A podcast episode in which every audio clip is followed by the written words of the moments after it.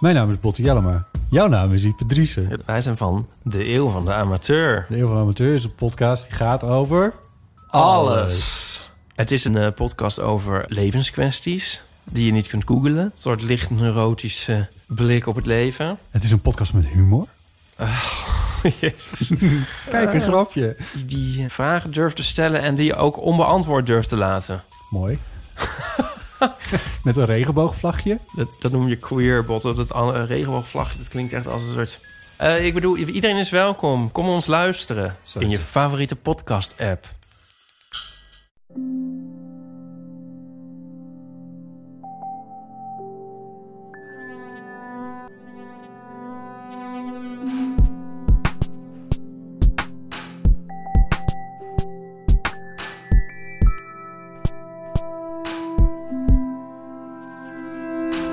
Dit is Relaas, waar je een verhaal hoort dat verteld wordt door iemand die het zelf heeft meegemaakt. Bij het verhaal van Pascal dat je zo meteen krijgt, daar hoort muziek bij. Afrikaanse muziek, origineel gebracht door Paul Simon. Maar verder in deze podcast hoor je de versie door een heel bekende Belgische en Gentse muzikant. Ik kan nog niet verklappen wie. Pascal heeft zelf ooit muziek gespeeld, maar was niet zo eenvoudig. Haar moeder bouwde dat bijvoorbeeld liever niet. Pascal was tiener in de jaren 70 en daar kan je je van alles bij voorstellen. Dit is het relaas van Pascal.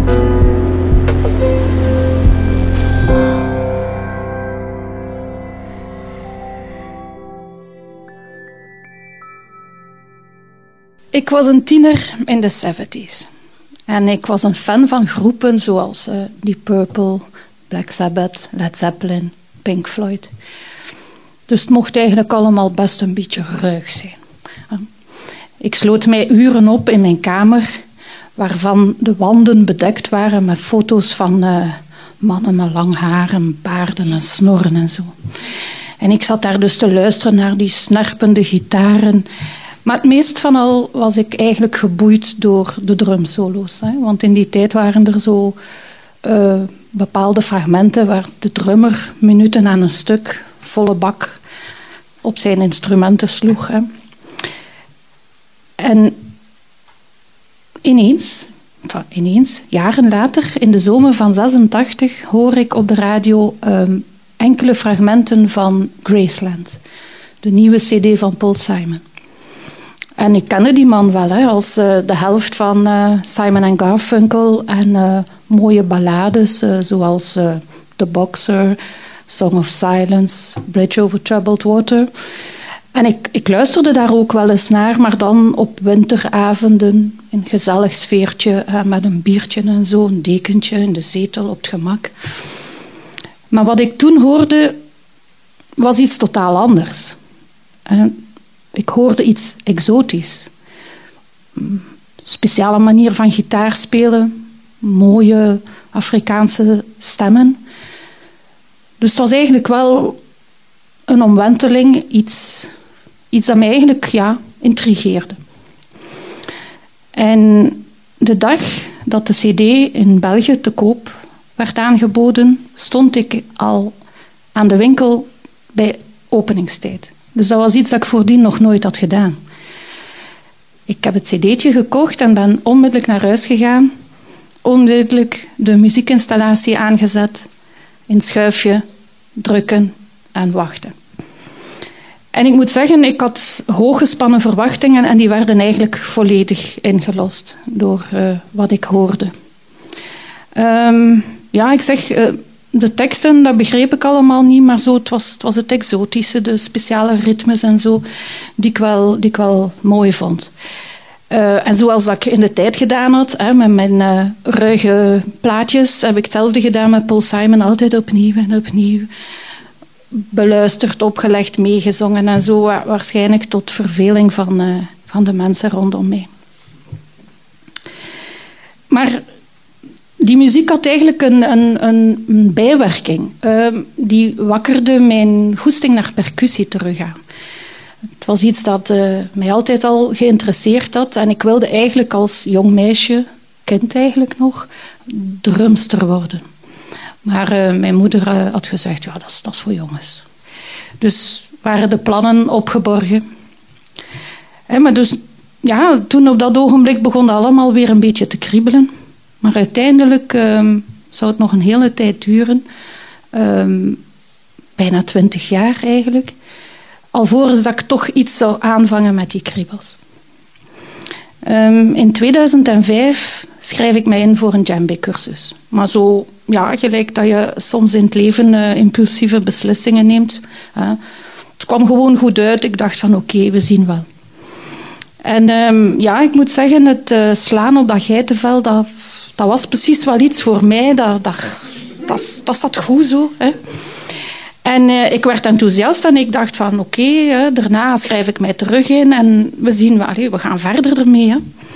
Maar toen werd de vervolgcursus geannuleerd. Dus ja, dan heb je zoiets van, ja, jammer hè. Maar ja, zo gaat dat soms hè.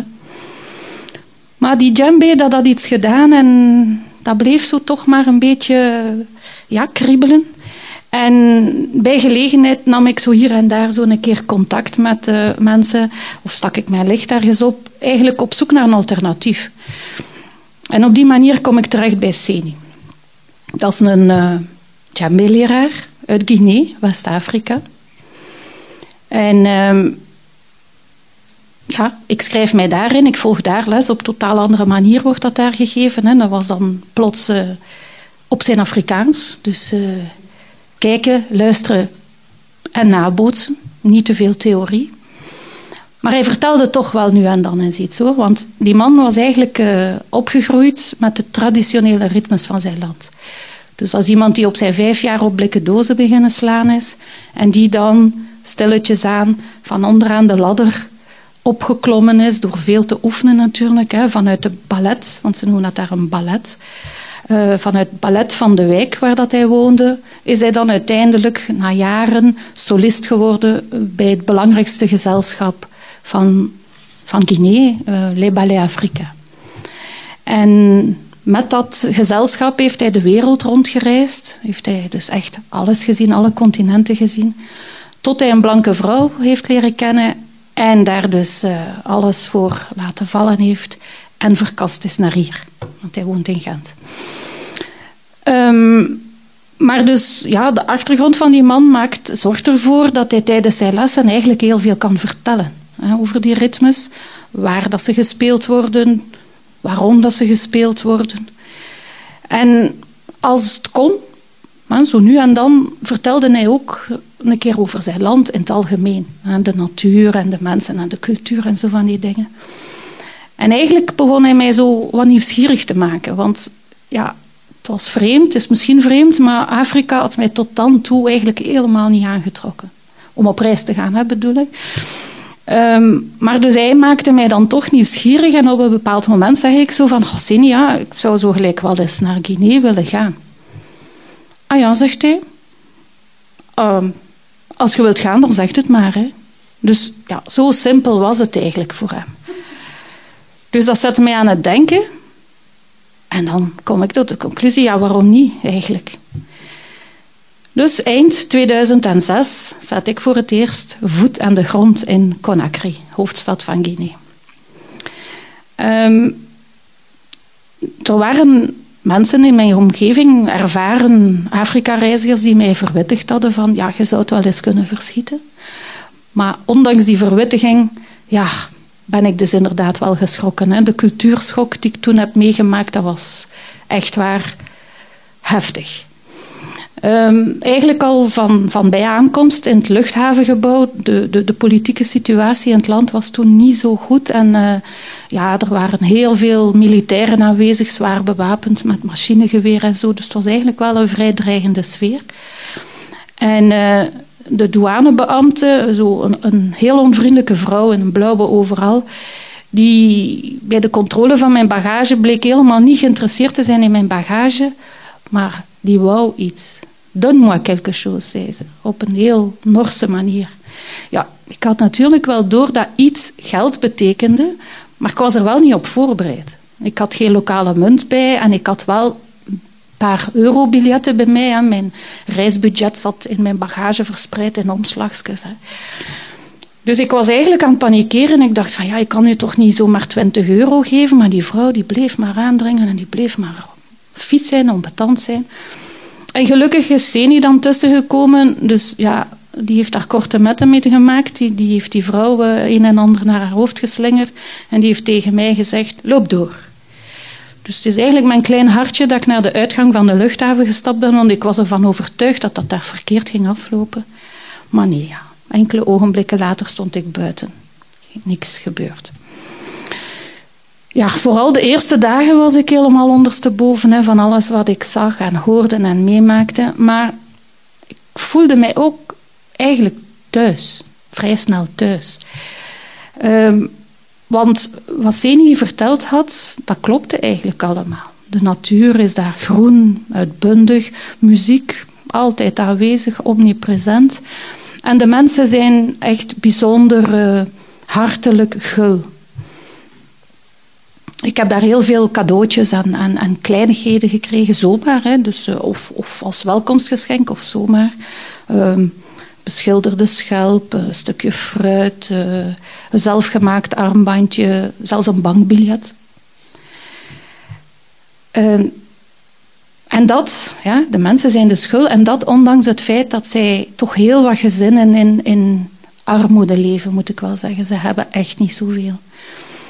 En als ik wandelde in de wijk uh, en ik zag de mensen zitten uh, rond de schotel rijst, want ze eten op die manier, op de grond, allemaal samen rond de schotel. Ja, dan zei ik bon appétit en dan werd er onmiddellijk gezegd invitation. Dus dat wil zeggen van kom erbij zitten, er werd plaats gemaakt voor mij. Dus ja, um, ik was daar eigenlijk wel regelmatig aangedaan. Maar um, wat mij het meeste heeft ja, beklijft eigenlijk, is het volgende. Um, ik wandelde tussen de nauwe steegjes, zo tussen de huizen, op weg naar de huisarts. Het was op het eind van mijn verblijf. En ik had uh, steriele naalden en spuiten meegebracht. En ik dacht van ja, ik heb die nu zelf niet meer nodig, dus ik kan die maar net zo goed aan de huisarts geven. Dus we waren op weg naar die man en we worden daar door zijn vrouw hartelijk ontvangen. Maar ze zegt ja, hij is net vertrokken naar het ziekenhuis, maar dat is geen probleem, hij zal niet lang wegblijven, je kunt hier ook wel wat wachten. Uh, we beslissen om buiten te wachten onder een boom. En uh, op een klein pleintje eigenlijk, tussen het huis van de huisarts en, en de buren. En we zitten daar zo wat rond te kijken naar wat er gebeurt rondom ons. En aan de overkant zie ik een echte stokoud, graadmager vrouwtje, helemaal in elkaar gezakt op een stoel in de blakende zon. En een paar meter verder een man, een vrouw en twee kinderen die aan het eten zijn. En als de vrouw in mijn richting kijkt, dan steek ik mijn hand op om ze te begroeten en ze knikt. En ze wenkt mij. En Senie zegt mij, ja, ze heeft je begroet, dus je moet tot bij haar gaan. Dus ik steek over en ik geef de vrouw een hand en ik ondersteun met mijn linkerpols, met mijn linkerhand, pardon, mijn pols. Hè. Dat is een teken van respect. En omdat ik boven de vrouw uittoren, ga ik op een knie zitten, zodanig dat ik op haar hoogte kom te zitten. En ze kijkt mij recht in de ogen en ze prevelt iets, ze mompelt iets in soesoe, wat ik uiteraard niet begrijp. Seni zit te ver om, om te vertalen, maar ik zie dat de man die wat verder zat te eten, zich ondertussen had rechtgesteld en naar mij kwam. Dat is mijn moeder, zegt hij. En die vrouw fluistert iets tegen haar zoon en hij zegt: uh, Mijn moeder vindt je vriendelijk en ze nodigt je uit om samen met haar te eten. Nu, ik had gezien dat die vrouw een diep bord in haar schoot had. Ik had ook gezien dat daar eigenlijk maar een bodempje rijst in lag, overgoten met een beetje saus. Geen vlees, geen vis. Dus ik aarzel en die man zegt van ja, mijn moeder nodigt je uit, dus je kunt niet weigeren, dat zou respectloos zijn. Zijn vrouw gaat een stoel halen, geeft mij een lepel en ik ga bij die vrouw zitten. Nu, ik, ik aarzel nog een beetje, want ja, die vrouw waar eten eigenlijk opeten, hè, dat, dat hoort eigenlijk niet. Maar als ze ziet dat het te lang duurt, eh, dat, dat ik te veel twijfel, dan neemt ze zelf een hapje van die rijst en met een glimlach schuift ze het bord dichterbij. Dus ik heb toen heel traag gegeten, heel weinig genomen elke keer, kouwen, kouwen, uitstellen om opnieuw te nemen. En ja, heel snel was het bord leeggegeten. Ik heb de vrouw bedankt en ik ben bij haar nog wat blijven zitten. We hebben daar zo ja, een momentje samen doorgebracht. Ik heb niet gesproken, ja, het ging ook niet. En de vrouw had mijn hand vast en met haar andere hand streelde ze zo nu en dan op mijn onderarm. En toen kwam de dokter. Ik heb de vrouw bedankt. ben langs de man langs gegaan en die zei: Merci, je hebt mijn moeder heel blij gemaakt. Nu, na het eerste bezoek ehm, heb ik uh, het, het, land bijna jaarlijks nog bezocht. Um, ik heb ook elke keer geprobeerd om, om iets te doen, om op een of andere manier een beetje bij te dragen. Maar uh, ik raakte uiteindelijk totaal gefrustreerd, want uh, de mensen hebben daar zo weinig. Zoveel zaken die wij vanzelfsprekend vinden, zijn er gewoon niet. En de inspanningen die ik leverde, ja, dat stelde eigenlijk niet veel voor. Hè. Dat is minder dan die druppel op die hete plaat. Dus geleidelijk aan begon de idee te groeien om eventueel met een VZW iets te kunnen doen. En um, in november 2015 uh, hield ik samen met enkele vrienden VZW Guinea boven de doopvond. Guinea is een Soussou-woord en staat voor vrouw.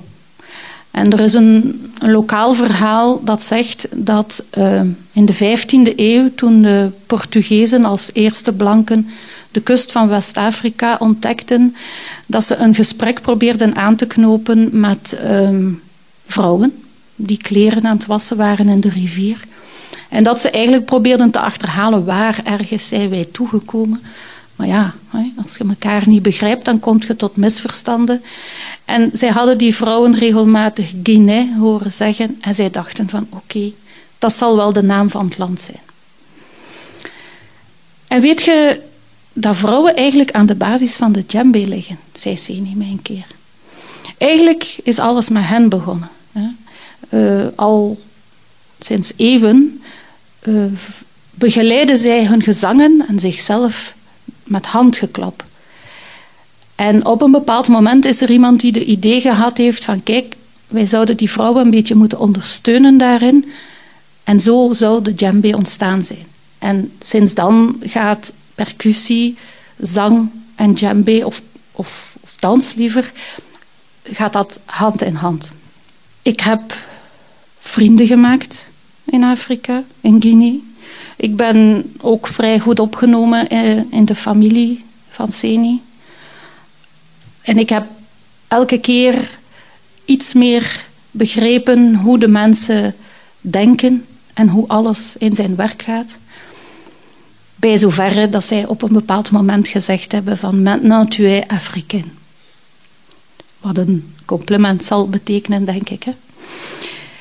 Nu, toen ik dertig jaar geleden luisterde naar Paul Simon, kon ik mij niet inbeelden dat ik ooit weliswaar uh, bijna twintig jaar later kennis zou maken met de djembe.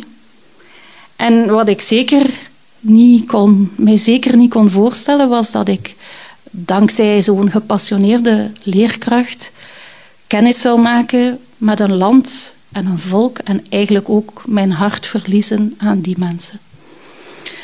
Maar zoals de mensen daar zeggen, dunyo mukolonma. In het leven weet je nooit.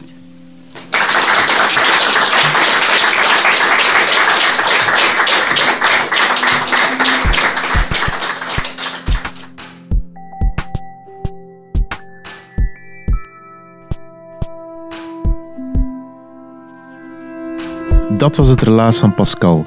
Ze vertelde het in november 2016 in Gentbrugge. was op een verhalenwandelroute met de naam Backtracks. Backtracks is dus de naam van het event. Daar kan je van huiskamer naar huiskamer wandelen en in die huiskamer luisteren naar het verhaal van de persoon die in dat huis woont. En als klap op de vuurpijl staat er in die woonkamer ook nog een coverband. En in dit geval stond daar een topmuzikant, Sioen. Maar even nog zeggen dat wij Relaas zijn. We zijn een groep verhalenliefhebbers. Wij organiseren elke maand een vertelavond in Gent. Als je daar eens bij wil zijn, dat kan. De data waarop dat kan staan op onze website en op onze Facebook. Je kan daar een plaatje voor reserveren. Het is niet gratis, maar we vragen bijna geen geld. Uh, maar haast je daarvoor, want de avonden zijn meestal heel snel volzet. En wij, eh, het Relaas team, wij zullen jou daar uh, verwelkomen en helpen en een mooie avond proberen te bezorgen. Het Relaas-team, dat zijn wij, Marlien Michels, Filip Cox, uh, Ruby Bernabeu Plaus, Dieter van Huffel, Sarah de Moor, Timo van de Voorde, Charlotte Huigen, Evita Nocent, Evert Saver, Sarah Latré, Stefan Gruijaert, Anneleen Schelstraat en ikzelf ben Pieter Blomme. Ik bedank ook nog onze partners. Dat is Medialab en Studentenradio Urgent FM en Quindo. En ook nog REC, het talentennetwerk voor digitale verhalenvertellers. En helaas zou er niet zijn zonder de stad Gent. Die steunen ons om de vertelavonden te organiseren. Dank je wel daarvoor, stad Gent. Uh, jullie, doe ons een pleziertje. Deel je favoriete verhaal online op Facebook, op Twitter. Of stuur het in een privéberichtje naar iemand waarvan je denkt van... Hmm, die moet zeker dat verhaal gehoord hebben. Andere mensen leren zo relaas kennen, maar misschien ook help je die persoon ook door zijn verhaaltje naar hem te sturen. Dankjewel en tot een volgend relaas.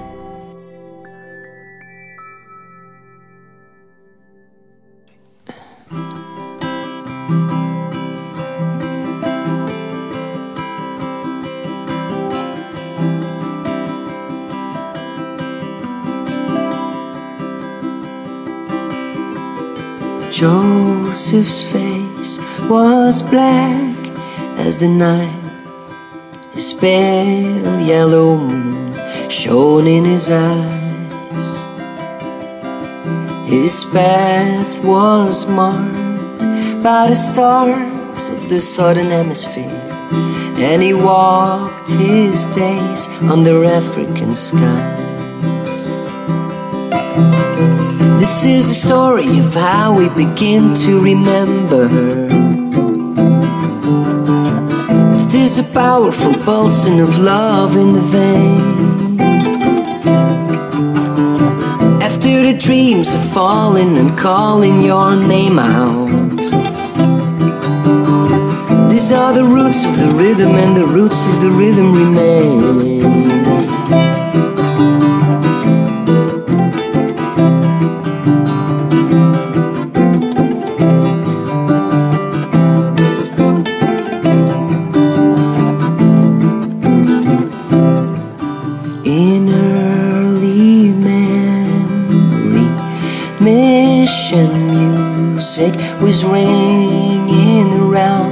My nursery door.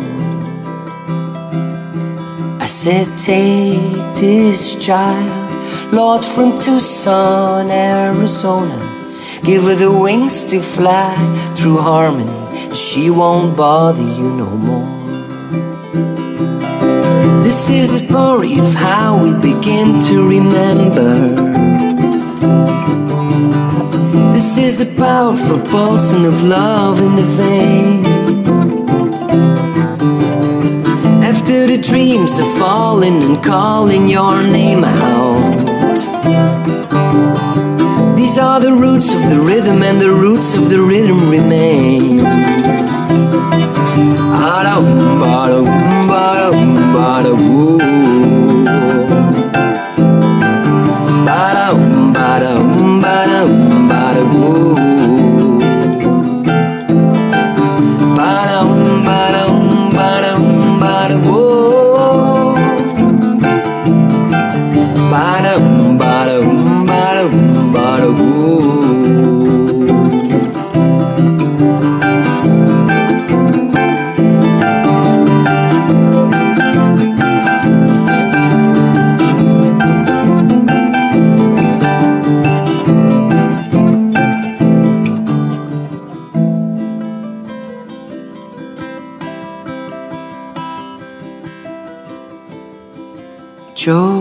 Joseph's face was black as the night.